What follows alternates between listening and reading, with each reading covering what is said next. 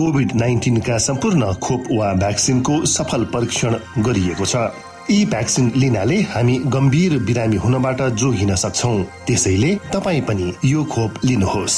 यदि तपाईँलाई पहिले नै कोभिड पोजिटिभ देखिसकिएको छ भने तपाईँ यो खोप चाँडै नै लिनुहोस्। यसो गर्नाले हामी र हाम्रो समुदायमा रोग प्रतिरोधक शक्ति चाँडै नै आउनेछ र हामी सबैजना पहिले जस्तै सामान्य जीवनमा फर्कन सक्दछौ। युनेस्को डब्लुएचओ र रेडियो कार्यक्रम आशाको बाणीबाट जनहितमा जारी सन्देश।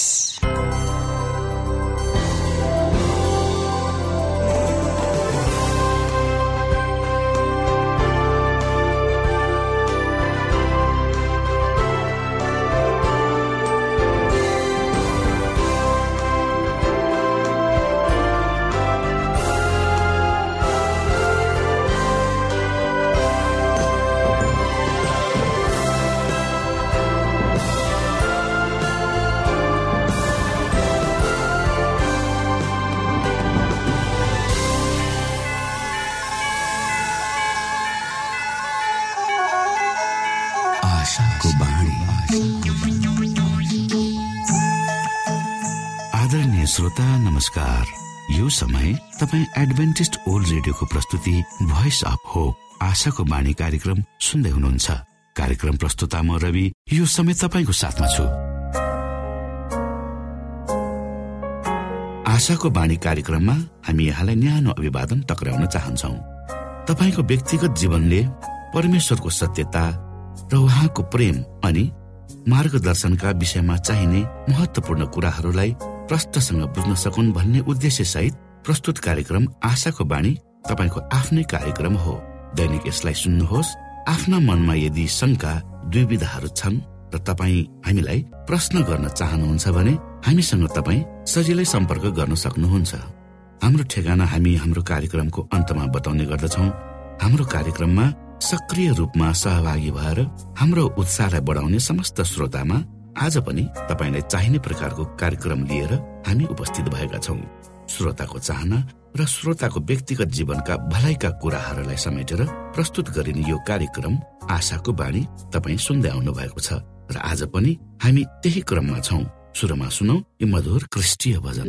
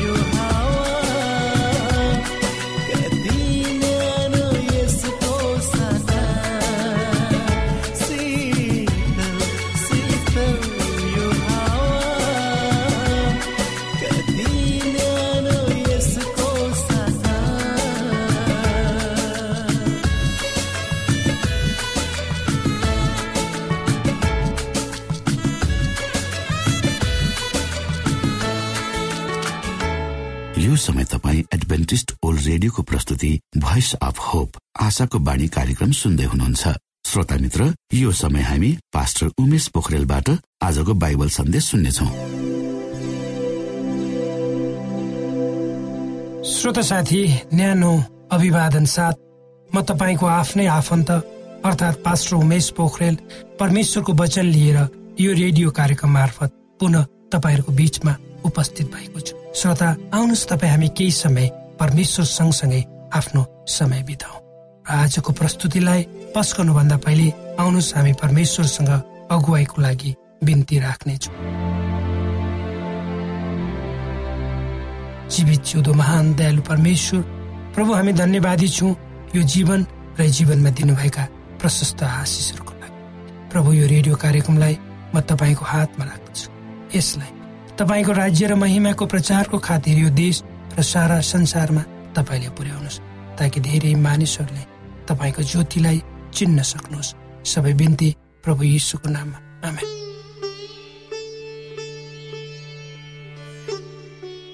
श्रोत साथी धेरै शताब्दीदेखि करिब करिब दस प्रतिशत मानिसहरू बायाँ हातको प्रयोग गर्छ र हाम्रो समाजमा पनि कोही कोही मानिसहरू बायाँ हात प्रयोग गरेको हामी देख्दछौँ। स्वभावैले हामी मानिसहरू दायाँ हातको प्रयोग गर्दछौँ। तर केही मानिसहरूको दायाँ भन्दा बायाँ हात बेसी चल्छ। उनीहरूलाई कतै न कतै हाम्रो जस्तो समाजमा अलिकति भए पनि हेयको दृष्टिकोणले हेर्ने चलन छ। इङ्ग्लिसमा लेफ्ट जुन शब्द छ एङ्ग्लो सेक्सोनको लिफ्टबाट आएको पाइन्छ जसको अर्थ कमजोर भनेर बुझिन्छ। विक चलाउने कमजोर भनेर बुझिन्छ। प्राचीन कालदेखि नै स्कुलका शिक्षकहरूले बायाँ हात चलाउने विद्यार्थीहरूलाई दायाँ हात चलाउन सिकाउने नाउँमा धेरै अत्याचार गरेको पनि किनकि शिक्षकहरूको विचारमा त्यो उनीहरूको नैतिक जिम्मेवारी। र जसरी भए पनि एउटा बायाँ हात चलाउने विद्यार्थीलाई दायाँ हात चलाउन उनीहरूले सिकाउनु पर्छ ती बायाँ हात चलाउनेहरूमध्ये एक व्यक्ति हुन् बेन्जामिन फ्रेङ्कलिन। उनी लेख्छन् मलाई धेरै चोटि कुटियो। म एक्लै थिएँ म जस्ता अरू धेरै मेरा साथीहरूलाई तल्लो रूपमा व्यवहार उनीहरूको खिल्ली उडाइयो। उनीहरूको बायाँ हात बाँधियो र ब्रेन्चमाथि उभ्याए त्यस्ता किसिमका सजायहरू सहन नसकी कति रोए। यी सबै गर्नुको पछाडि उनीहरूले दाहिने हातले लेख्न सकुन् भन्ने नै थियो। आज पनि सारा संसारमा भएका सबै किसिमका औजारहरू लुगा फाटाहरू कारहरू गाडी घोडाहरू र प्रत्येक कुराहरू दायाँ हात चलाउनेहरूको निम्ति उपयुक्त हुने किसिमले बनाइएका हामी पाउँछौँ। अर्थात् यो संसार दायाँ हात चलाउनेहरूको मात्रै। आधुनिक अनुसन्धानले बायाँ र दायाँ दायाँ र बायाँ तिरको दिमागहरूको बारेमा धेरै कुराहरू बाहिर ल्याएको छ। यी दुईको स्वभाव भिन्न भिन्न पाइएको छ। बायाँ हात चलाउनेहरूमा हताश निराश हुने जाँड रक्सी खाने बानी हुन सक्छ। त्योभन्दा माथि बायाँ हात चलाउनेहरू तीक्ष्ण बुद्धि भएका नयाँ नयाँ किसिमका रचनात्मक काम गर्ने किसिमका हुन सक्छ। के हदसम्म दायाँ हात चलाउनेहरू वंशाणुगत पनि भएको अनुमान गर्न सकिन्छ। तर दुर्भाग्यवश पवित्र धर्मशास्त्र बाइबलमा भने त्यस अनुसार परमेश्वरको न्यायको दिनमा बायाँ हातको कुनै स्थान रहँदैन। त्यसैले त पवित्र धर्मशास्त्र बाइबलको भजन सङ्ग्रह एक सय अठार अध्यायको पन्ध्र पदमा धर्मीहरूका पालमा हर्ष र विजयको गुन्जन हुन्छ र परमप्रभुको दाहिने बाहुरीले सामर्थ्य काम गर्दछ भनी स्पष्ट गरी भनिएको हामी पाउँछौँ। यसरी नै पवित्र धर्मशास्त्र बाइबलको मत्ती पच्चिस अध्यायमा यसरी लेखिएको छ। उसले भेडाहरूलाई आफ्नो दाहिनेपट्टि र बाख्राहरूलाई देब्रेपट्टि राख्नेछ तब राजाले आफ्ना दाहिनेपट्टिकाहरूलाई भन्नेछ आओ मेरा पिताका धन्य हो। संसारको उत्पत्तिदेखि तिमीहरूका निम्ति तयार गरिएको राज्यलाई अधिकार किनभने म भोकाएको थिएँ तिमीहरूले मलाई खान दियो म तिर्खाएको थिएँ तिमीहरूले मलाई पिउन दियो। म परदेशी थिएँ तिमीहरूले मलाई आश्रय। नाङ्गै थिए तिमीहरूले मलाई बस्न लगाए। बिरामी थिए तिमीहरू मलाई हेर्न आए। झालखानामा थिए तिमीहरू मकामा आए। त्यसपछि उनले देब्रेपट्टिका मानिसहरूलाई भनिन्छ श्रापित मानिस मबाट दूर हो र दियाबलस र त्यसका दूतहरूको लागि तयार गरेको अनन्तको आगोमा जा।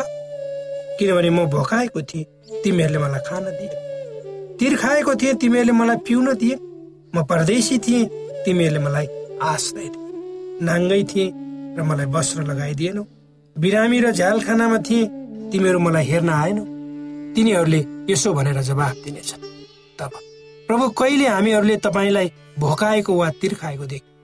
परदेशी वा नाङ्गै वा बिरामी देख्यौँ वा झ्यालखानामा देख्यौँ र तपाईँको सेवा गरे।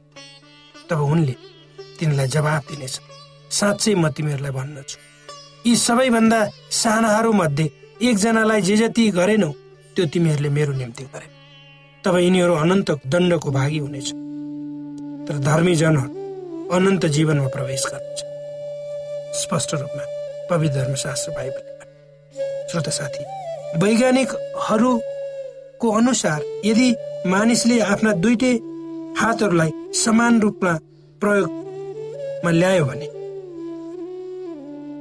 त्यसले ती दुवै हातहरूलाई उही तरिकाले प्रयोग गर्न सक्दछ। क्रिस यसोको लागि न त पूर्व न पश्चिम न दायाँ न बायाँ हामी केवल उहाँमा आउनु मात्र पर्छ। किनकि प्रभु येसुका दुईटै हातहरूद्वारा हामी उहाँको अँगालोमा बाँधिन सक्छौँ। भनिन्छ बाँधिएका हातहरू खतरापूर्वक हुन सक्छ। किनकि त्यो भित्र हात हतियार लुकाइएको हुन सक्छ। चोरीका सामानहरू पनि लुकाइएका हुन सक्छ अथवा आन्दोलनको धम्की पनि हुन सक्छ। त्यसै गरी खुल्ला हातहरू त्यसको ठिक विपरीत हुन्छन् र त्यसले सुरक्षा र निश्चयता झल्काउँछ। खुल्ला हातले मानिसलाई खुसी साथ स्वीकार गरेको जनाउँछ। जब दुईटा हात खुल्ला भएर कसैसँग मिलाइन्छ भने त्यसले आनन्द र भरोसा दिन्छ। त्यसभित्र कुनै कुरा लुकेको वा लुकाइएको हुन्न। यसले एकअर्कामा शक्ति र भरोसा प्रदान गर्छ। स्वतन्त्रताको अनुभूति प्राप्त हुन्छ। त्यसैले त भजन सङ्ग्रहका लेखकले परमेश्वरको महिमित सृष्टिलाई खुल्ला हात भनेर भनेको पाइन्छ। उनी भन्छन् भजन सङ्ग्रह एक सय चार अध्यायको चौबिसदेखि अठाइस पद। हे परम प्रभु तपाईँका कार्यहरू अनेक छन्। आफ्ना बुद्धिमा तपाईँले ती सबै रचना तपाईँले सृष्टि गर्नुभएका यावत थोकले पृथ्वी पूर्ण छ। त्यहाँ विशाल र फराकिलो समुद्र छ। जसमा अनगिन्ती चल जलचरहरू छन्। ठुला साना दुवै थरीका जीवित प्राणीहरू त्यहाँ छन्। त्यहाँ जहाजहरू यताउति जान्छन्।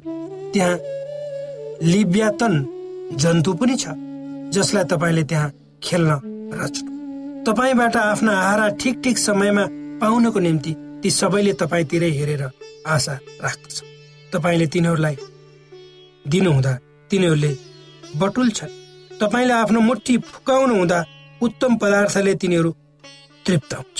यी वचनहरूले तपाईँलाई आशिष दिउन्।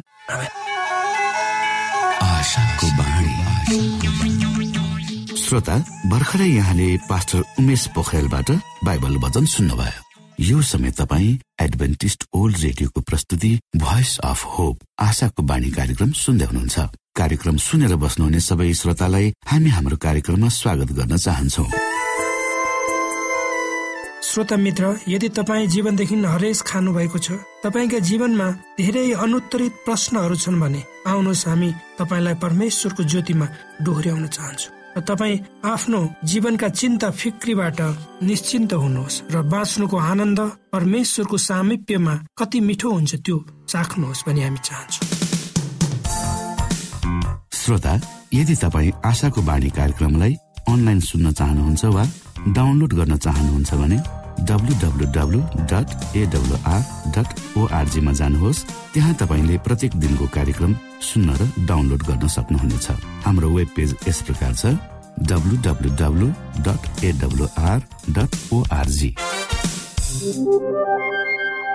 श्रोता यदि तपाईँ हामीसित सिधै फोनमा सम्पर्क गर्न चाहनुहुन्छ भने हाम्रा नम्बरहरू यस प्रकार छन्। अन्ठानब्बे एकसाठी पचपन्न शून्य एक सय बिस। अन्ठानब्बे एकसाठी पचपन्न शून्य एक सय बिस। र अर्को अन्ठानब्बे अठार त्रिपन्न पन्चानब्बे पचपन्न। अन्ठानब्बे अठार त्रिपन्न पन्चानब्बे पचपन्न।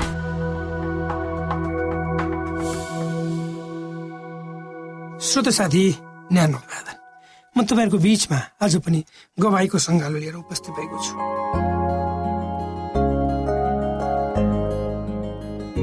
मेरो नाम उन्ताग हो।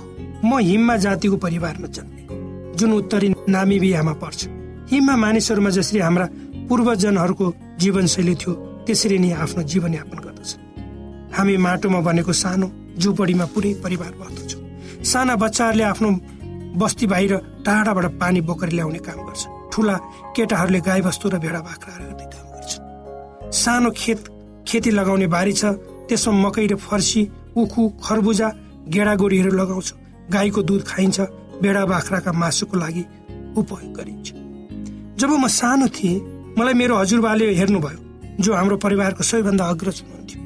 उहाँ सय बिहान बिहानै पवित्र आगो भनेर बाल्नुहुन्थ्यो। त्यस ठाउँमा जाने गर्नुहुन्थ्यो। उहाँ त्यहाँ गएर आफ्ना पुर्खाहरूसित कुरा गर्नुहुन्थ्यो। हामी सबै परिवार हजुरबाको कुरा हाम्रो पुर्खाहरूले सुन्छन् भन्ने कुरामा विश्वास गर्थ्यौँ। र सबै अप्ठ्यारा परिस्थितिमा उनीहरूले सहायता गर्नेछन् भन्ने विश्वास हामीमा थियो कुनै पनि समस्या परिवारमा आइपरेको खण्डमा हाम्रा पुर्खाले नै समस्याको समाधान गरिदिन्छन् भन्ने सबैको मान्यता थियो। त्यसकारण त्यो पवित्र आगो हाम्रो दैनिक जीवनमा अति नै महत्वपूर्ण थियो। हाम्रो स्थायी बसोबासबाट सबैभन्दा नजिकको सानो सहरमा पुग्न तिन घन्टा लाग्छ। तर पनि हामी थाहा नै नपाई बाहिरी संसारबाट प्रभावित भइसकेका थियौँ। एक दिन एकजना मानिस हाम्रो ठाउँमा आएर उनले यसुको कथा बताए। मैले उनले भनेको कथा ध्यानसँग सुने।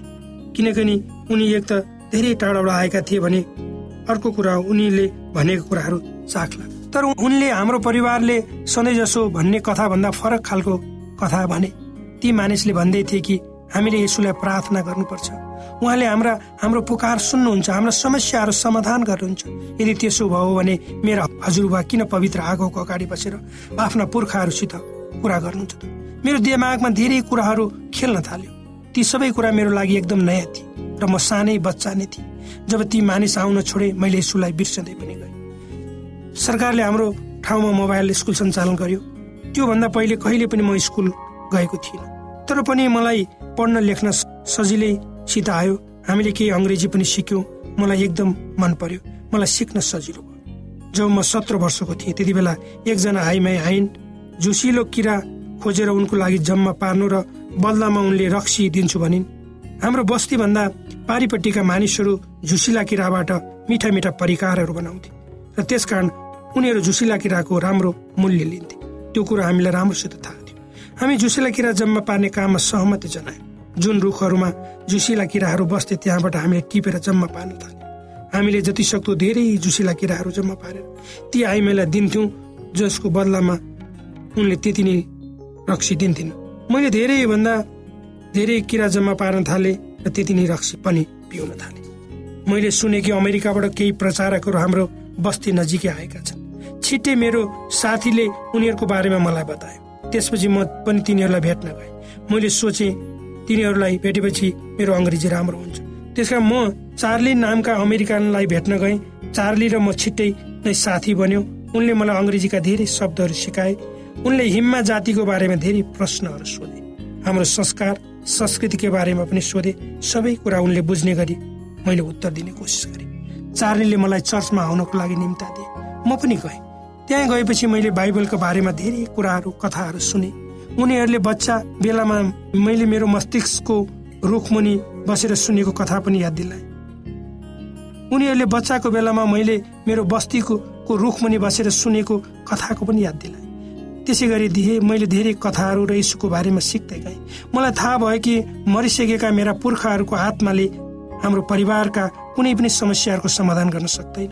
मैले निश्चय गरेँ कि म पनि चार्लीको ईश्वरलाई प्रार्थना गर्नेछु। म निरन्तर रूपमा प्रार्थनाको सेवामा उपस्थित हुन थालेँ। चार्लीले दिएको बाइबल पढ्न थालेँ। चार्लीसँगै प्रार्थना गर्न थालेँ। एक वर्षपछि मैले मेरो जीवन परमेश्वरमा समर्पण गरेँ। मलाई धेरै वर्ष अगाडिदेखि रक्सी खाने लत बसिसकेको थियो।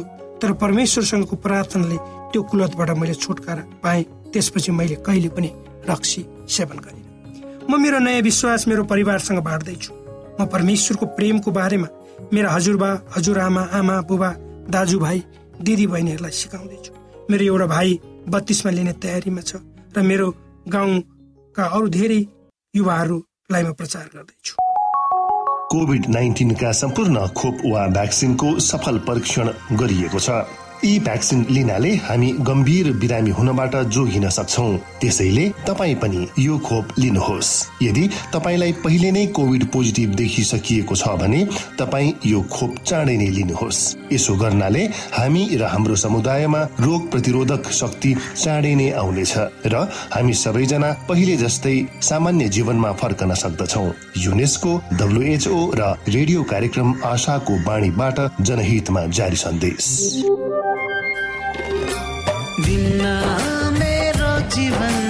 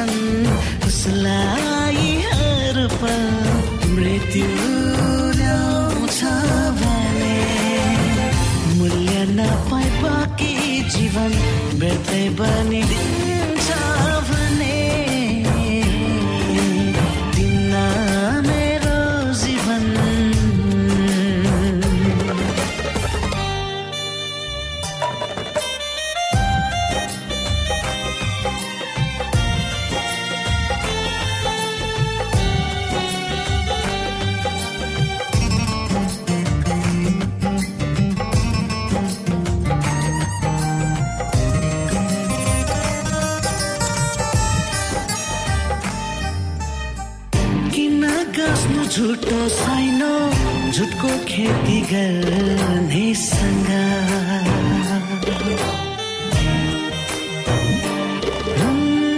मनभरिका मृग तृष्णा पुरा नभई मर्छन् भने किन छाड्नु झुटको बिउ कतनी नै